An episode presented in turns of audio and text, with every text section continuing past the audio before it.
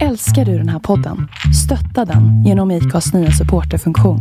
Det är helt upp till dig hur mycket du vill bidra med och det finns ingen bindningstid. Klicka på länken i poddbeskrivningen för att visa din uppskattning och stötta podden.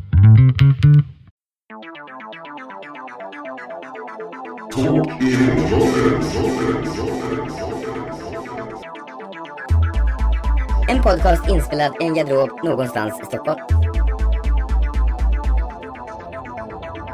Här lyssnar du på intressanta, engagerade samtal och intervjuer i en väl avvägd blandning av oseriöst allvar och ironi och humor. Om du upplever ett plötsligt vredesutbrott och skriker rakt ut under tiden du lyssnar kan det bero på att du missförstått vad som är allvar och vad som är skämt. Eller så har du helt enkelt fel åsikter eller dålig humor. Hej och välkomna till Talking Closets andra avsnitt. Eh, jag heter Christer CJ Järvhäll och bredvid mig har jag min eh, poddkollega Patrik Gren. Bra, Patrik Gren. Sist sa du Green. Men nu blev det rätt den här gången. Eh, och idag tänkte vi prata om regnbågsflaggan. Eller regnbågsflaggans vara eller icke vara, kan man väl säga. Ja, är det egentligen vara eller icke vara? Det är väl regnbågsflaggan om den ska få synas på offentliga byggnader eller inte. Ja, eh, anledningen till att ta upp frågan är att SD då eh, slog igenom att de, den skulle förbjudas på offentliga byggnader och så vidare i Sölvesborg. Och man har väl föreslagit det för hela landet också tror jag. Yes, det har man. Så då kan det vara lite intressant att, att titta på vad som ligger bakom det här. Varför gör Sverigedemokraterna detta? Eh, finns det något fog för att göra det överhuvudtaget? Vad är regnbågsflaggan för någonting egentligen? Vad står den för? Och diskutera lite kring det. Ja, precis. Och det, vi hamnar väl in på lite hbtq-frågor i största allmänhet också Ja, eh, under den här diskussionen. Jag kan tänka mig det, ja. Så, ska vi börja och titta lite på regnbågsflaggan. Var kommer den ifrån? Ja, dess historia då, eh, den är inte så gammal utan den här tog, togs ju fram på sent 70-tal och skapades i San Francisco eh, av en gayaktivist, Gilbert Baker. Och han tog väl fram det för att symbolisera mångfalden i hbtq-rörelsen eh, där varje färg skulle ha en symbolisk innebörd. Och det är en global symbol för lika rättigheter och synliggörande av hbtq-personer. Och den kallas egentligen prideflaggan från början då och har varit en symbol för hbtq-rättigheter runt om i världen. Eh, det står så här, den är skapad för mångfald, respekt och fred, för tolerans, öppenhet och synliggörande. Så kan man väl säga. Eh, det argumentet man använde för att förbjuda den var ju att den är politisk. Och att politiska flaggor inte ska få hänga på offentliga byggnader för om man tillåter en så borde man tillåta alla olika politiska flaggor och flaggas på offentliga byggnader. Därför bör inga få göra det. Och som vanligt när det gäller den här typen av frågor så delar det ju då höger och vänster i två fullkomligt oförenliga delar på den politiska skalan. Där högerrörelsen ofta ställer sig bakom just att den är politisk medan vänstersidan säger att den inte är politisk utan att det då rör sig just om mänskliga rättigheter som egentligen inte är en politisk fråga utan någon slags generell rättighet för alla människor. Ja, alltså det, det har blivit en höger-vänster-fråga, vilket är lite ironiskt. Men eh, på något sätt så har ju hbtq-frågor drivits mer från vänster, eller hbtq-rättigheter drivits mer från vänster. Är det verkligen så? Eh, Jo, det är det väl ändå. Eh, om man tittar på hur de politiska partierna har röstat genom åren, om vi nu går lite längre tillbaka, eh, så har det varit eh, vänstern, först Vänsterpartiet och senare Socialdemokraterna som har, och Liberalerna. Ja, jag tänkte just säga att det har väl varit en i första hand liberal fråga. Sossarna var ju rätt sena på att hoppa på eh, hbtq-tåget. Ja, det var de nog faktiskt. Men eh, det var ju Liberalerna och vänster, Vänsterpartiet var ju faktiskt hbtq-vänligt väldigt Men- tidigt. Är inte det här snarare i så fall en fråga om att hela politiken har blivit högervriden på senare år? Eftersom Liberalerna, eller Folkpartiet som de hette då, kan väl knappast ha räknats som ett vänsterparti på till exempel 70-talet.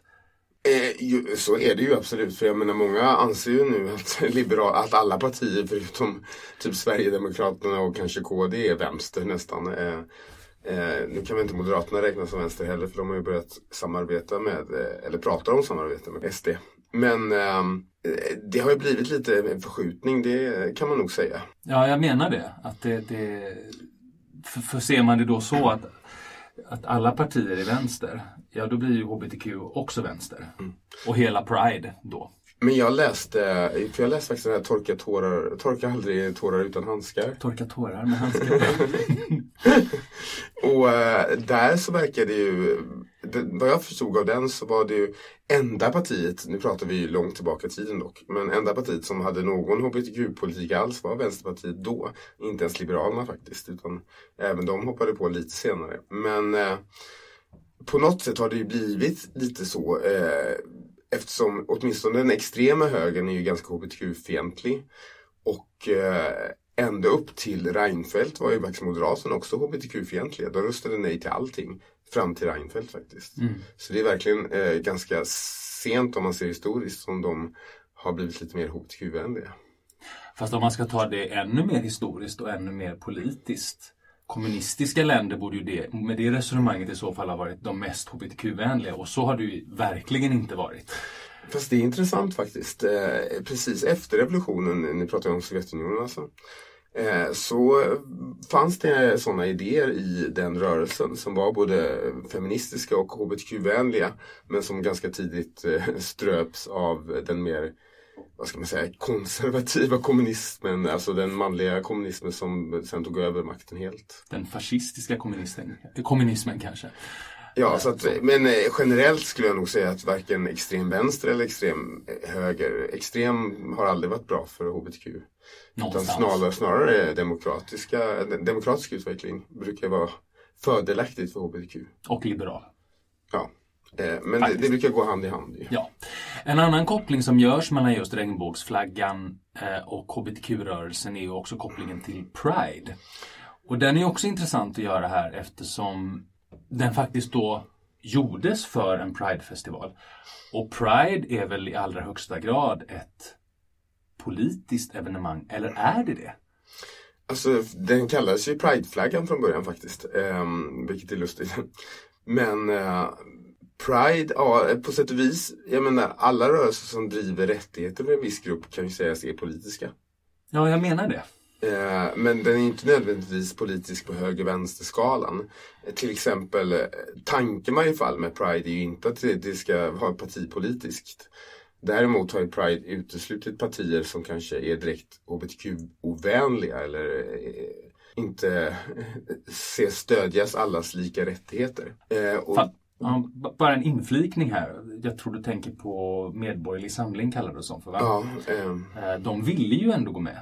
Ja, men men- fick inte. Och om man vill gå med i Pride-tåget, tar man inte då ställning för hbtq-rörelsen någonstans? Ja, med fick inte gå med. eh, men eh, jag pratade faktiskt med en som är, var, vad heter det, volontär på Pride. Mm. Eh, och jag kan bara referera vad han berättade för mig. Men han, för jag frågade just det här, för det är många på, vänner på Facebook som just var väldigt upprörda över det här. Och jag tyckte själv det verkade fel, för Meds eh, partiledare är ju själv gay. Ja. Eh, faktiskt. Eh, och- och jag tyckte det verkade konstigt. Och han sa att det var två skäl. Eh, det första skälet var att de fick in en ansökan väldigt sent, lite så på en hast ungefär, inslängt. Och det enda de hade att gå på var partiprogrammet som inte var hbtq-vänligt.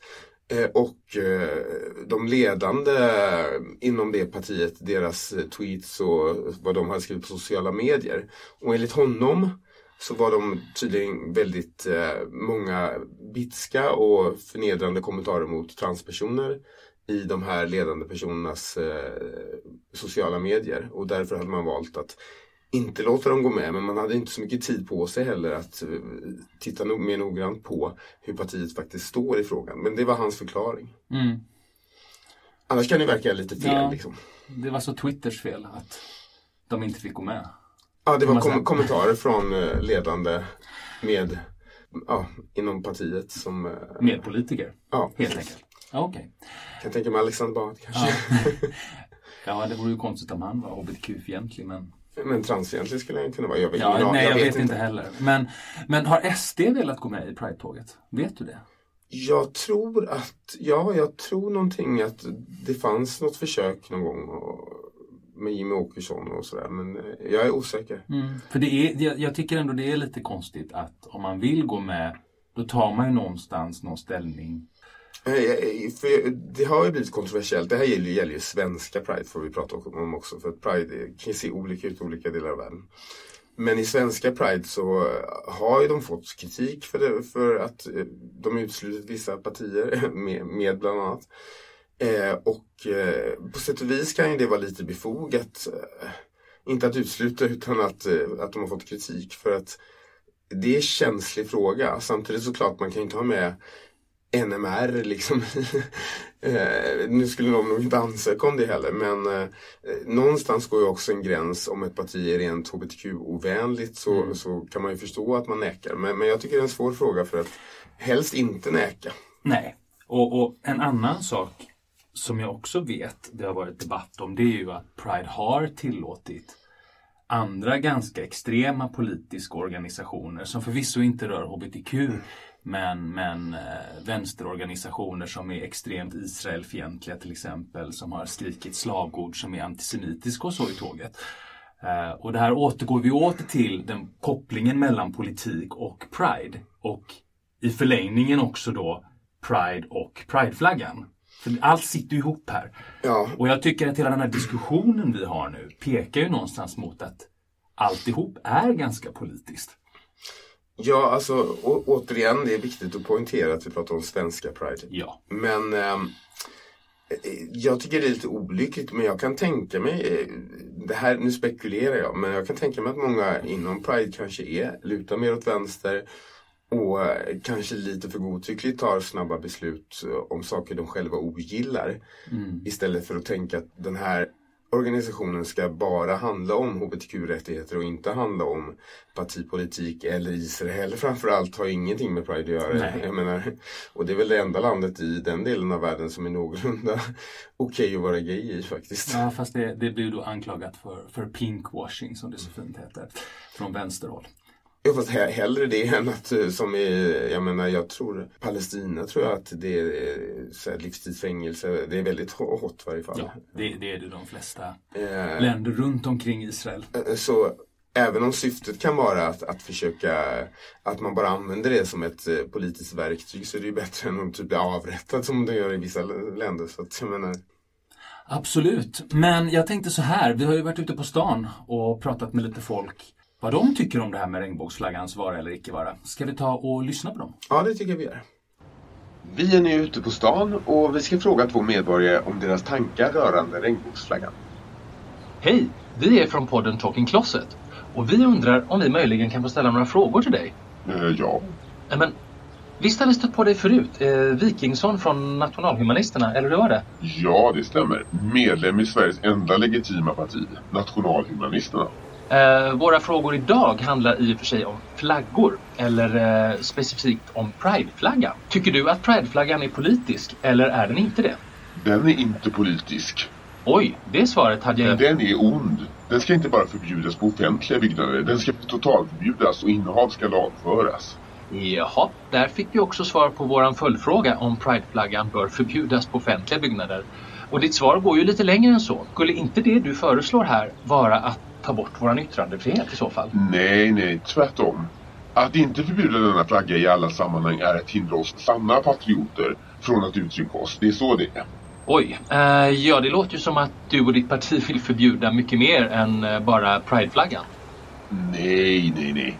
De andra åtgärderna tar vi senare när vi tagit makten på alla fronter. Då kommer Sverige bli fantastiskt igen, stort. Tar över? Vad menar du? Vilka åtgärder då? Ah, nu är det jag som pratar liksom i skägget.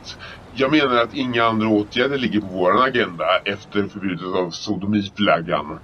Eh, sedan är vi nöjda. Vi vill absolut inte rensa ut alla bögar från samhällsgemenskapen. Bara denna hemska flagga, det lovar vi. Vi är inte nazister trots allt. Alla människor har väl rätt att leva. Eh, om de bara anpassar sig. Eh, ja, det låter ju betryggande. Eller kanske inte alls betryggande. Menar du att vi ljuger eller? Vet inte vad jag menar, men den där skandalen i våras när ni sjöng Bränn alla bögar och muslimer i samma brasa har ju gjort att många undrar vad ni egentligen står för. Ja, men, ja, man får väl skoja lite va. Man kan ju fan inte säga någonting nu för tiden. Folk blir helt överkänsliga. Den här jävla PK-tjafset alltså. Jaha, så du tycker att det är överkänsligt att vi reagerar på att ni sjunger om att döda två grupper i den svenska gemenskapen? Ja, det är det. Ta ett skämt som en man vet jag. Ja, då vet vi det. Eh, då går vi över till nästa sak. Något som också har reflekterats över är ju att ni bara pratar om bögar i samband med prideflaggan. HBTQ-gemenskapen representerar ju så mycket mer. Lesbiska, trans... ah, dummel. Det där med lesbiska är bara en myt. Det finns ju inte. Kvinnor har väl ingen sexualitet? Det där är en vänsterkonspiration för att få oss vita heteromän att känna oss omanliga. Så då tycker jag det låter som att man kan säga att ni står lite på samma sida som eh, de här extrema islamisterna som också hatar prideflaggan och allt vad den står för. Eh, Ja, nej, nej det gör vi inte. Det, kan- det, vi står inte på samma sida som muslimerna. Så kan det inte vara. Eh, Jag sa fel. Prideflaggan bör absolut inte förbjudas. Nej, nej. Men, men du sa ju alldeles nyss att den bör totalförbjudas. Nej, du hörde fel. Du missförstod mig. Den flaggan bör flaggas med året runt i områden där det bor mycket muslimer. Så att du fattar att vi i Sverige, vi respekterar alla människor. Även bögarna. Om ni inte kan acceptera det, då kanske inte de passar i det här landet. Nu tycker jag att du framstår som aningen dubbelmoralisk. Eh, som att du accepterar flaggan men bara som ett verktyg mot muslimer. Nej, nej, så är det såklart inte. Vi kräver att muslimerna anpassar sig efter våra svenska värderingar. Och exakt vilka värderingar är det? Våra värderingar är motsatsen till de muslimska värderingarna, så är det. Om de inte kan acceptera våra värderingar kanske inte de har något här att göra. Och eftersom det, en muslim alltid är en muslim så ja, då kanske de inte hör hemma här helt enkelt. Okej, jag bryter dig där. För den uppfattning jag får är att nationalhumanisternas ståndpunkter gällande kvinnor, HBTQ och andra grupper står närmare de extrema islamisterna än något annat parti i Sverige. Du fattar ingenting. Det är vi som ska försvara Sverige mot islam. Så din inställning är bort med islam för att sedan göra samhället mer likt de samhällen som styrs av islam. Nej, nej. Du förstår, du förstår ju ingenting. Du hör ju inte vad jag säger. Vi vill skydda samhället mot islamismen. Okej, eh, vi behöver bryta där. Jag tackar dig för dina svar och önskar dig en trevlig dag. Mm, tack. Där borta har vi en tjej som står och tittar in i skyltfönstret. Vi kanske skulle fråga henne vad hon tycker. Hej! Ursäkta, kan vi ställa dig några frågor? Mm, ja, visst. Nej, men, hej! Det har vi också pratat med förut. Vad lustigt, vi pratade just med Wikingsson. Det är samma person som vi pratade med sist vi var här förra gången också. Det är ju lustigt att ni två är på samma ställe en gång till. Ja, ja. Men det är bara en slump. Vi känner inte varandra. Men du vet alltså vem Anders Wikingsson är? Va? Nej, nej, nej, nej. Eh, det är bara en slump.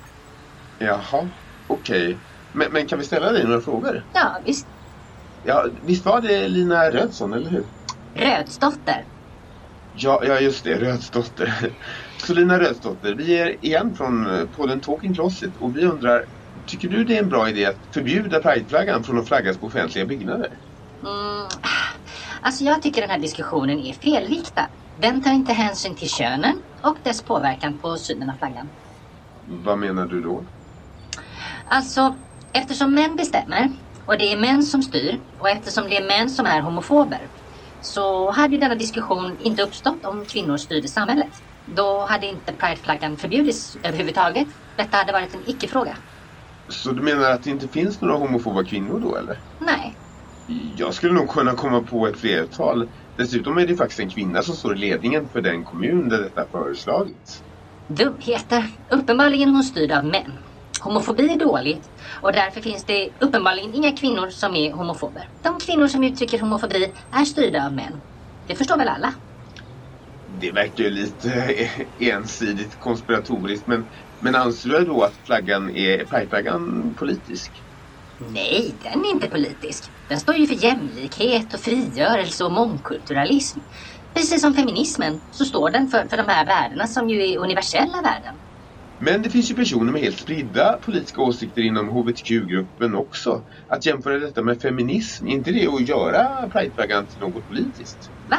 Vad menar du? Spridda politiska åsikter inom hbtq-gruppen? Det finns väl inte? Jo då. Jag känner hbtq-personer med allt från extrema högeråsikter till extrema vänsteråsikter, miljöaktivister, feminister, de som pratar om mäns rättigheter. Dessutom består ju gruppen av många olika individer. Män, kvinnor, queers, transmän, transkvinnor. Extrema högeråsikter? Ah, det måste i så fall vara bisexuella män, för det är typiskt patriarkatet. Vidrigt. Ingen äkta hbtq kan vara höger på något sätt. Och transkvinnor med högeråsikter, alltså det är ju inga riktiga kvinnor. Alltså, om de uttrycker högeråsikter, då är det ju bara män som försöker ta över kvinnors rättmätiga plats. Jag tycker du låter minst lika fobisk mot delar av hbtq-gruppen som det som faktiskt vill förbjuda flaggan. Hur vågar du anklaga mig för något sådant? Jag är en sann social rättvisekämpe och för att uppnå sann jämlikhet och rättvisa kan vi inte ha förrädiska element i vår grupp. Så kallade transkvinnor och bisexuella högerspöken är ett hot som vi måste agera emot så att sann frihet kan uppnås för alla kvinnor. Så kan man säga då kanske att du på sätt och vis vill ta bort bokstaven B och T så att det blir H och kanske Q kvar då eller? Och vad ska man säga om flaggan? Du kanske vill ta bort några färger också från flaggan eller? Mm, ja, ja, om det krävs så kanske. Jag har inte funderat så mycket på det. Men en helt rosa flagga kanske, som, som symbol för ett kvinnligt och feministiskt styre, låter tycker jag bra. Men då är det ju inte någon prideflagga längre. Det är det väl visst det. En flagga som symboliserar feministisk pride. En prideflagga. Ja, jag vet inte vad jag ska säga på det men eh, om du, jag tycker inte du verkar förstå att det du säger är ganska fobiskt och att det inte längre är en prideflagga du pratar om varken i utformning eller vad den faktiskt står för. Ja, ja, men du tänker med kuken som alla män. Och eh, det jag pratar om är en sann pride och en verklig prideflagga. Jaha, det säger du. Tänker med kuken, ja. Det låter, eh, i varje fall i mina öron, som att du är faktiskt ganska fobisk. Men tack för dina svar. Ja, du får tycka vad du vill. Varsågod. Ja, då har vi hört åsikter från två medborgare om deras syn på regnbågsflaggan. Ja, då var vi tillbaka i studion och vi fastslog väl i stort sett att på sätt och vis är prideflaggan, den har blivit lite politisk kan man väl säga. Jag tycker nog att den har varit det hela tiden och att det var syftet med den från början, att vara politisk. Ja, även om inte i höger-vänster. Inte i höger-vänster-mening utan snarare som ett, ett verktyg för hbtq-rättigheter. Ja, ja. uppenbarligen. Men, men det här att SD nu har, eh, har sagt, eller man har förbjudit, men man har sagt att, att kommunen ska inte hissa politiska flaggor och därmed har man diskvalificerat prideflaggan från att hissas i Sölvesborg. Är detta någonting SD gör för att man verkligen tycker så? Eller är det någonting de gör för att de vill rulla tillbaks rättigheter mer allmänt? Vad, vad tror du om det, Christer? Eh, för det första så var det någon som sa till mig, eh, jag vet inte om det stämmer, men att eh, idén att inga politiska flaggor ska hänga på offentliga byggnader var ett socialdemokratiskt förslag från början. Men det, då tror jag inte syftet var att vara ute efter just prideflaggan, eh, utan mer allmänt. Och att detta då används som ett verktyg för att eh, attackera prideflaggan kan man säga. Jag, jag tycker att man måste tänka, för det första så har man ju tillåtit innan. Mm. Och eh, så fort man då ändrar en sån här sak som man har tillåtit så jag tror det viktiga för SD är signalen. Jag tänkte just säga det, det blir ju symbolpolitik över det här. Att man visar tydligt vilka saker som är viktiga. Och det här var tydligen väldigt viktigt då eftersom det här var något av det första man gjorde. Liksom. Precis. Och det säger ju någonting det också. Ja, och eh, det här är ett argument som egentligen man inte ska använda slippery slope-argumentet. Jag tänker att om det här är det första de gör när de får makt i en liten kommun om de skulle få makt i hela Sverige, vad, vad säger att de inte vill ta flera steg, vilket jag tror att de skulle vilja om de kan. Eh, Fast det vet vi ju inte. Nej, det är nej. spekulation, men jag tror det. Mm. Eh. Ja, vi kan ju se nu i Europaparlamentet så, så gick det ju en, en annan, annan omröstning eh, gällande Polen var det väl. Som, där ett 30-tal städer i Polen nu inför vad man kallar hbtq-fria zoner. Vilket jag har förstått innebär att man inte får undervisa om homosexualitet i skolorna, man får inte sprida information, alltså lite likt de här lagarna man har i Ryssland idag. Och eh, det var ju ganska stor majoritet i parlamentet för att att, eh, att på något sätt markera mot Polen i det här. Men SD ställde sig inte bakom detta med eh, argumentet att man lägger sig inte i nationella eh, länders egna politik. Alltså man, man vill behålla nationernas eh, politiska särställning så att säga. Jo. Och det, är också, det här har vi ju samma sak igen, att man hittar en, en, en förevändning för att rulla tillbaks eller att inte stödja rättigheterna genom att hänvisa till en annan politisk klausul. Det är precis samma sak. Ja, det är jag. precis samma. Och det, för jag- såg de frågade Jimmie Åkesson. Eh, de ställde, men ni har ju inte röstat för en enda hbtq-rättighet en enda gång i eh, liksom, Sveriges parlament. Eh, Jag vet, vad jag vet vad svaret blev. Det har jag ingen aning om. Nej, nej, det var inte det. Utan, ja, det var ungefär det. Men eh, eh, han, sa, jaha, har vi inte? Typ, alltså Mm. ovetandes om det. Men eh, oavsett om han eh, blir förvånad eller inte så att SD hela tiden har varit eh, ganska hbtq-ovänliga, alltså det är uppenbart. Och därför tror inte jag, när man röstade för det här, eh, alltså att förbud mot prideflaggan på offentliga byggnader, för att man ville vara neutral. Alltså det, det är ju löjligt. Jag tror inte på det. Det är samma med det här med Polen. Och det är det jag tänker det här om jag pratar slippery slope. Att de första stegen om man rullar tillbaka rättigheter kommer alla ha någon, något argument som verkar, ja men det verkar ju rimligt. Som vanligt folk kan tycka att ja men okej då. Fast syftet är något mycket värre och när man lägger ihop allting så, så blir resultatet illa. Så vi kommer få hbtq-fria zoner i Sverige också. Ja, ja, det, Till slut. till slut ja. Och, och eh, det undrar jag, det här med hbtq-fria zoner, får de ha Om vi säger en liten stad som är in, inne i, i, i ett sån zon. Får de då vara gaydisco i en sån eller är det förbjudet också? Ingen aning eh, hur, hur långt de kan tänkas gå. Jag förstod var det bara informationsspridning och utbildning det i, i första steget. Men det låter ju, alltså hbtq-fria zoner, det låter ungefär som att man ska göra sig av med alla hbtq-människor. Ja, liksom Hur ska man- man göra då? Eh, läger.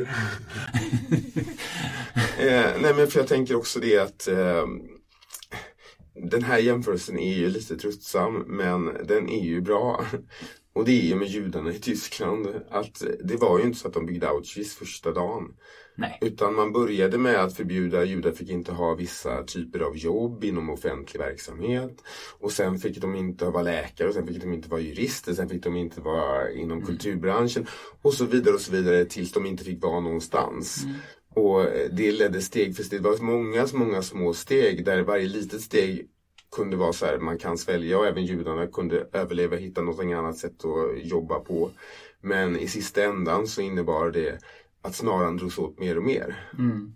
Och man byggde de här lägren som praktiskt nog finns kvar i Polen än idag ifall man vill använda dem igen. Ja, fast gaskamrarna är nog eh, sprängda tror jag. Nej men det finns effektivare sätt idag tror jag. Om man vill göra sig av med människor. Hur då? Jag vet inte. Sprutor. Bedövningssprutor som tar död på dem så de inte skriker. Ja, fast det är en åt gången. Gaskamrarna var effektiva för de kunde ta flera tusen på en gång tror jag. Eller tusen i alla fall tror Men polackerna har aldrig varit så effektiva. Så att det... jag. Usch. Att jobba är inte bara att ta död på människor. Det jobbiga var ju också att göra sig av med alla kroppar efteråt. Bränna dem. Men det var det man gjorde. Men Ja, det, jag det var ju Ja, omständigt. det är klart. Det, det blir svårt.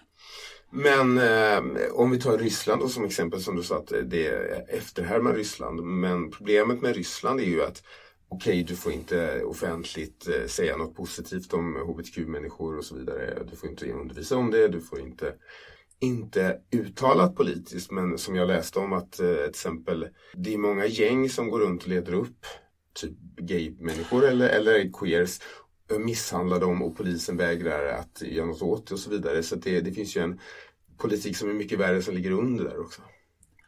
Absolut, och sen så är det ju också så att om man från ett politiskt håll rullar tillbaks rättigheter så kan man ju se att, att attacker mot den gruppen ökar.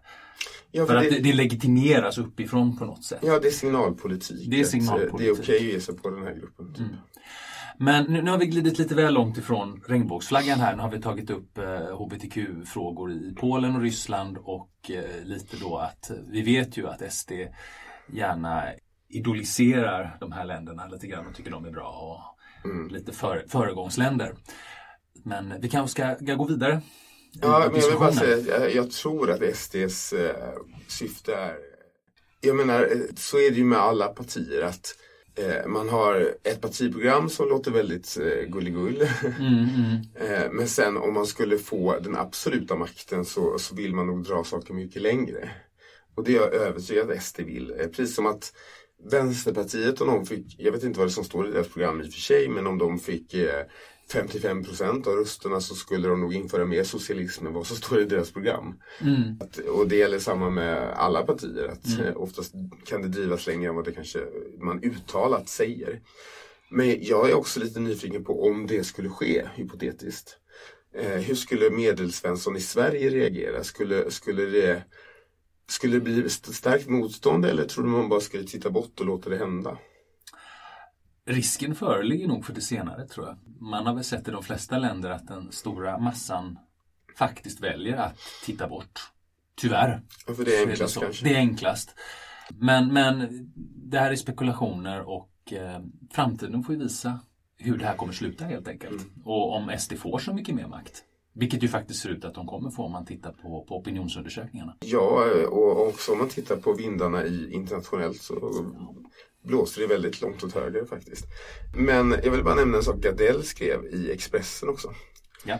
Eh, som just det här med att man har hissat regnbågsflaggan en gång. Och då skriver han att när man en gång hissat regnbågsflaggan i kommunens flaggstång blir halandet av den en politisk och ideologisk markering. Inte till några vänsterliberala i storstan utan till den lesbiska tonårstjejen på det lokala gymnasiet eller den homosexuella mannen på äldreboendet eller transpersonen i kassan på Coop i Sölvesborg eller Uppsala. Eller vad som helst som säger vi står inte på din sida, det här är inte din hemort om ens du är född här. Visst kan det vara så. Men eh, jag vet att Louise Eriksson som ju är gruppledare för kommunfullmäktige i Ja, Sölvesborg det. faktiskt gick ut och sa att de inte var emot regnbågsflaggan i allmänhet utan hon ser gärna att folk hissar den hemma i sina flaggstänger eller hänger ut den på sina balkonger om det är Pride och så utan det här är liksom bara en rent politisk eh, markering. Men som sagt, det kan ju vara politisk kosmetika också för att man inte vill säga vad man egentligen tycker. Kan vara, ja. Ja, du är övertygad om att det inte är så. Ja, alltså det, det där låter ju... Eh, för det första, just att överhuvudtaget är jag förvånad hur... Eh, jag menar, om man nu får ledningen för en kommun, liksom de viktiga frågorna handlar om ekonomin, beskattning, kanske välfärden, hur ska man fördela saker? Alltså, det är de stora frågorna. Men det första man har gjort där är så här, regnbågsflaggan, ta bort sån här kontroversiell konst som de ändå aldrig köper in mer än varannat år lite grann. Eh, det här med prat om förbjuda att eh, icke-svenskar ska få låna böcker på bibliotek och jag vet inte allt vad de har tagit för Mm, men det är mycket symbolpolitik och man har alltid... Eh, Och det är inte de stora viktiga frågorna. Nu pratar vi om saker som berör väldigt få människor ofta också. Mm. Så det märks ju att, att, att de verkligen vill markera saker. Då, frågan som vi ska ställa nu är det rätt eller fel att förbjuda den på offentliga byggnader då? Är det rätt eller fel att förbjuda den på offentliga byggnader? Jag ställer mig så här att om man ser till en rent principiell fråga och man säger att det ska inte finnas några politiska flaggor på offentliga byggnader så är det på sätt princi- principiellt rätt.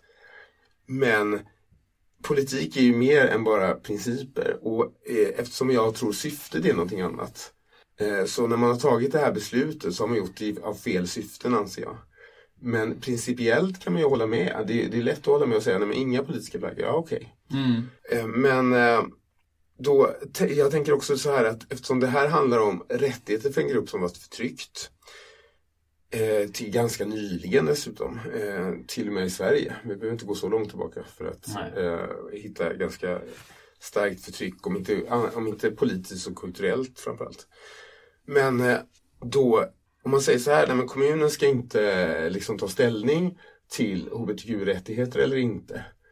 Betyder det att kommunen ska inte heller ta ställning om hbtq-människor förlorar sina rättigheter? Mm. Är frågan. Mm. Vad tycker du om det? Jag vet inte, alltså jag håller ju med dig att, att eh, för mig är ju regnbågsflaggan definitivt en politisk symbol. Så principiellt så, så anser jag väl också att SD har som vanligt då hittat någonting som är principiellt rätt för att stödja åsikter som är principiellt fel. Eh, och de gör ju det bra, de är duktiga på PR. Eh, det måste man ge dem. Eh, och jag kan faktiskt inte svara på frågan. 100 procent. För, sa- det, blir, det blir ju lätt att, att vilka andra flaggor ska man då... Det finns ju andra minoritetsgrupper i samhället som också behöver frigöras eller komma fram till ytan. Ska de här flaggorna också hängas upp då? Hur, hur, hur mycket... Hur många flaggor ska det hänga på byggnaderna till slut? Så principiellt så tycker jag ju att man inte ska ha politiska flaggor och egentligen ska ju inte regnbågsflaggan undantas från den principen heller, hur ont det än gör i mig att säga det. Men jag får väl hålla med den KD-politikern eh, som sa att eh, man kan väl i så fall eh, upplåta kommunen stänger under till exempel Pride för företag och organisationer att, att hyra in sig på kommunens flaggstänger för att hänga upp regnbågsflaggan. Sen är det ju också så att eh, det är inte så, för att säga hur många flaggor ska hänga. Det är inte så att regnbågsflaggan hänger året runt utan det är ju väl bara under den veckan. Det är bara alltså. under den veckan jag tror det här handlar om. Eh, för det hänger ju inte regnbågsflaggor året runt. Nej, det gör ju faktiskt inte det. Eh, Men då, då, då kan man ju också fråga vilka fler grupper. Alltså man, man kan ju driva det, så identitetspolitiskt kan man ju sönderdela det här hur långt som helst. Hela hbtq-rörelsen har ju idag delats upp i, i olika. Idag finns det ju en, en speciell björnflagga för lite tjockare killar och det finns en transflagga för transpersoner. Ja, du ser. Mm. Ja, men, eh, jag håller med. Jag håller Mm. med. Nå något som jag också tänkte på var att du sa att vänstern har eh, sagt att ja, men, eh, mänskliga rättigheter är ingen politisk fråga utan alla ska ju ha mänskliga rättigheter. Men det är inte alla som tycker det. Så det blir, den blir också politisk egentligen. Eh, till exempel har jag hört vissa SD-sympatisörer som eh, i stort sett eh, säger att det var fel av FN att eh, deklarera de mänskliga rättigheterna och vara lite hånfulla om det där. Det är klart att inte alla människor är lika värda och så vidare. Vilket inte de mänskliga rättigheterna säger egentligen. Den säger bara att alla människor har vissa rättigheter som alla måste ha. Inte att alla är lika mycket värda. Det är inte riktigt samma Nej. sak egentligen. Men eh, frågan är om, om inte alla människor, om man säger att vissa människor, nej men du ska inte ha de här rättigheterna. Framförallt, jag menar, rättighet nummer ett är ju rätten att få leva. Mm. Eh, och om man då säger att nej, vissa människor inte har rätten att leva, då, då förklarar man ju krig i stort sett. För de människorna som utsätts för att, för att äh, säga, de människorna som drabbas av det här att nej, men du har inte rätt att leva, de anser jag har rätten att försvara sig. Till och med. Ja, jag, jag, jag är ju lite, lite pacifist så, så att jag, jag är lite... Nej, det är inte jag. Vi får väl hoppas att det inte går så långt att människor behöver eh, använda självförsvar och våld för att skydda sina rättigheter, eller rättigheten att leva i varje fall. Eh, men, men det är ganska ironiskt också om vi säger att många av de som har skrivit under deklarationen om mänskliga rättigheter avrättar homosexuella. Så Ja, det gör de ju redan. Så de, de eh, följer ju inte det de själva har skrivit under. Nej. För det anses som ett brott, men att existera kan ju inte vara ett brott. Många accepterar ju inte att, att vara hbtq är medfött utan att det är ett val man gör och då väljer man ju att begå ett brott. Då kan man ju tolka det så. Om man ser att hbtq är någonting medfött och någonting man har med sig från livmodern så att säga, då hamnar ju saken i ett annat ljus. Men i de här länderna så ser man det ju inte så utan man ser ju det som eh, som att de här människorna lever syndiga liv och väljer att eh, leva ut någonting som man kan låta bli att leva ut. Att det, det är ett val helt enkelt. Och då, då, då blir det plötsligt, kan man plötsligt sätta det under en eh, juridisk process. Det är helt sant. eh, Men medfött eller ej, eh, frågan är snarare är det valt eller ej. För det, Ja. en sak kan ju vara icke medfött och ändå är ofrivilligt. eh. Ja, ja. Eh, Och tanken då med tanke på eh, de konsekvenser det är att vara hbtq, att någon i de länderna skulle glatt välja det. Det är ju så långsökt och absurt tycker jag. Men eh, Det var väl Desmond Tutu som sa det i Sydafrika. Tror jag, exakt de orden. Var- ingen ingen väljer, väljer väl att vara gay i en, i en sådan fientlig värld. nej, precis, alltså det verkar så fullkomligt långsökt. Sen såklart akten, till exempel att ha sex eller hålla någon i handen eller kyssa någon, är ju ett val. Men det är ju att då säga till en viss grupp människor att det som är en del av den mänskliga upplevelsen ska inte få vara eran. För att, ni råkar ja, för att ni, ni är såna här. Eh, vilket är eh, också väldigt grymt och fel på något sätt. Ja, det kan nog jag hålla med om. Det skriver jag under på. Jo, då är frågan så här, men är inte alla flaggor politiska, även den svenska flaggan då? den, egentligen ska den ju inte vara det. Alltså, den är väl politisk i någon mening så tillvida att den, den stödjer den politiska eh, entitetet Sverige, att den på något sätt ska vara en symbol för det. Men inom Sverige så ska den ju inte ha en politisk färg. Alltså även en, en kommunist eller en sverigedemokrat eller en, en liberal tillhör ju alla nationen Sverige och i en demokrati ska vi ha rätt att ha olika politiska åsikter. Så att ur den synvinkeln så ska ju den svenska flaggan vara politiskt neutral. Och det är väl också därför då man tycker att den ska kunna hissas på kommunens eh, flaggstänger. Eftersom kommunen är en del av, av, av eh, den svenska staten och staten är en del av nationen Sverige som ska omfatta alla människor. Men det jag tycker är intressant här är ju att... jag skojar. Eh, ja, det, det, jag kan tycka är intressant här, som jag tänkte komma till innan du avbröt mig med dina rasistiska kommentarer. Som ett skämt. Eh, så är det att svenska flaggan har ju blivit ganska politiserad i debatten. Eh, framför allt av ett parti som gärna gör den svenska flaggan till en symbol för den egna politiken. Nämligen Ja, inte bara Sverigedemokraterna utan även mer nazistiska organisationer. Precis. Men det... det, var, ja, det var ju på 90-talet mycket som de använde. Det var ett tag då nästan det blev, skulle bli någon sån här rasistisk symbol. Eh, vilket är hemskt såklart. Men jag tycker det går tillbaka lite. Den känns inte så politisk längre. Nej, men det har ändå varit en politisk kamp om vem som äger den svenska flaggan. Och, de, och vad jag försöker säga är att det, det, är ju just Sverigedemokraterna och kanske de ännu mer till höger om Sverigedemokraterna som gärna har velat göra svenska flaggan politisk. Och att då som ett parti som säger att man inte ska ha politiska symboler på kommunhusen så borde ju Sverigedemokraterna i så fall vilja hala även den svenska flaggan. För att de själva har gjort den politisk. Försökt göra den politisk. Försökt göra den politisk. Eh, Ja, för det första tycker jag att det är självklart att svenska flaggan ska kunna hängas upp Ja, det tycker jag också. offentliga byggnader. Eh, men eh, det argumentet är, har ju viss bäring just mot dem kanske. Ja, alltså, och, och det här visar ju kanske också då att när det kommer till just politik, om man nu vill göra den svenska flaggan politisk, då vill man ju också ha en symbol för den egna politiken hängande på just offentliga byggnader. För att på något sätt ge legitimitet åt den egna politiken. Ja, och göra den allmängiltig. Det är det jag försöker säga. SD kanske skulle tycka det var kul med lite svastikor upphängda. Opolitiskt så. de behöver ingen svastika om de gör den svenska flaggan politisk. För då kommer den bli som en svastika till slut. ja, det får vi inte hoppas. I varje fall äh, även jag gillar ju Sverige såklart. Äh, nu tycker jag du är väldigt politiskt inkorrekt. det kanske är dags att börja avrunda det här men vi har ju en liten eh, politisk väderleksrapport som vi ska lyssna på också ja. innan vi slutar. Låt oss och efter det så kan vi ju sammanfatta det här avsnittet.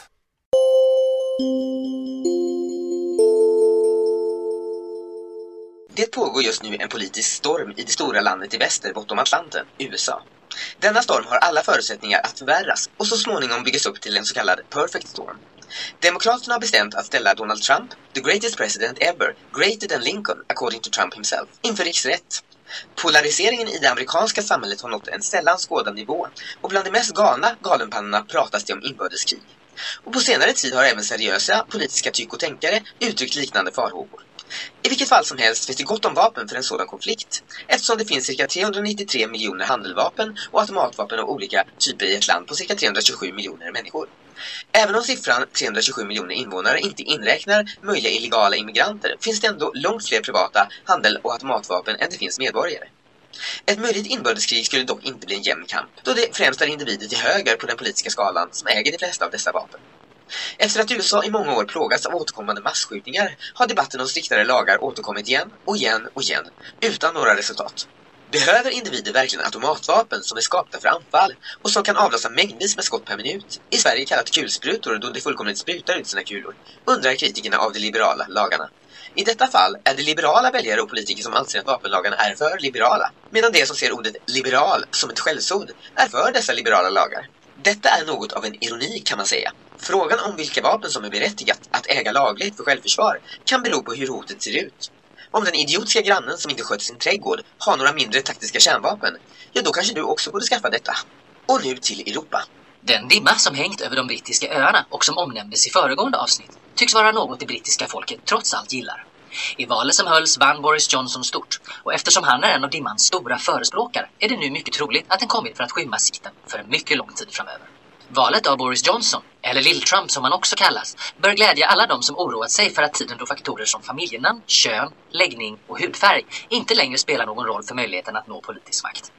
Professor Åke Sur från Statens forskningsinstitut om meritokrati menar att både det tidigare valet av Trump och nu valet av lillkollegan Boris är en stark indikation på att det var Obama som var en tillfällig anomali och att det fortfarande är så att begåvning, vältalighet, ärlighet och goda intentioner väger lätt mot kvaliteter som vit blekhet, snopp och aktningsvärd ålder. Åke Sur fortsätter med att man nästan kan säga att dessa två män, trots uppenbara brister, kvoterats in på sina poster med hjälp av det reaktionära trycket. Åke Sur avslutar med att säga vill du ha politisk makt är det fortfarande bäst om du är en vit gammal man som återvinner gamla idéer. I Sverige åkte den oberoende journalisten Lamotte på utflykt och flydde sedan tillbaka hem igen då hans profetior om utflykten blev uppfyllda. Med all trolighet ledde utflykten till ett gott flöde av swishklirr, men detta är något vi inte kunnat konfirmera ännu. Lamottes utflykt skapar ingen ny opinion, utan de som tycker han är bäst såg utflykten som en bekräftelse på att han är bäst. De som tyckte att han är en onyanserad bluff såg utflykten som en bekräftelse på att han är en onyanserad bluff. Vi väntar med spänning på en motsvarighet till Lamotte på vänstersidan av politiken. En oberoende journalist som åker till Djursholm för att filma undercover en lördagskväll och som vägrar ta emot pengar för sin journalistik utan lever gratis i ett kollektiv. Detta var allt i vår politiska väderleksrapport. Nu åter till studiodiskussionen.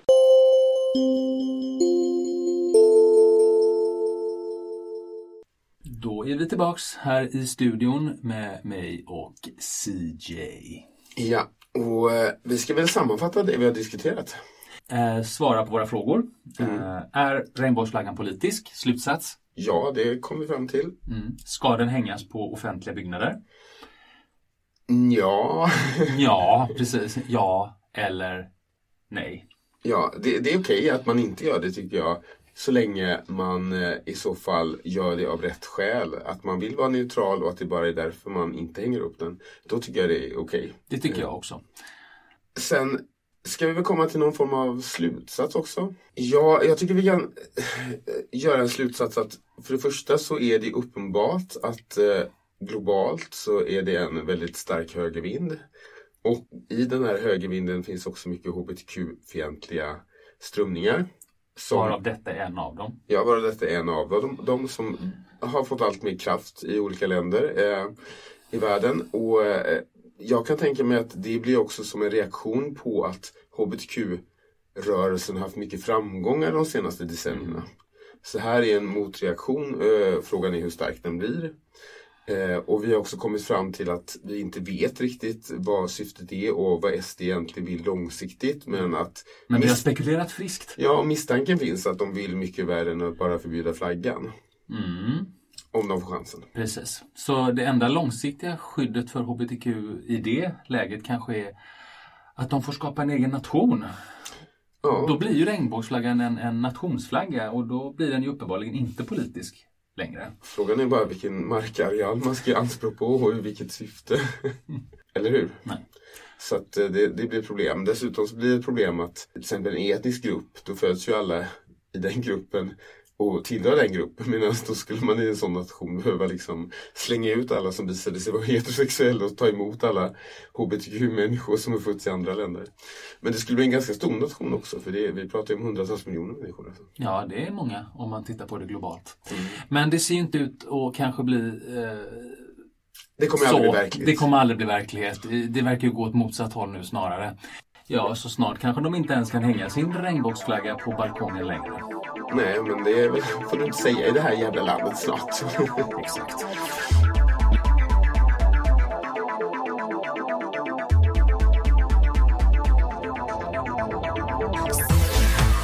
Talking Closet ska undvikas av personer med misstänkt lättvindighet, kort stubin och humorlösa individer. Talking Closet kan ej hållas ansvariga för biverkningar såsom högrött ansikte, luftiga vredesutbrott, familjegräl, okontrollerade gråtattacker, sömnlöshet, förkylan och cynism. Eventuella klagomål kan mejlas till anothersnowflake at wedontcare.org. Dina åsikter spelar oss ingen som helst roll.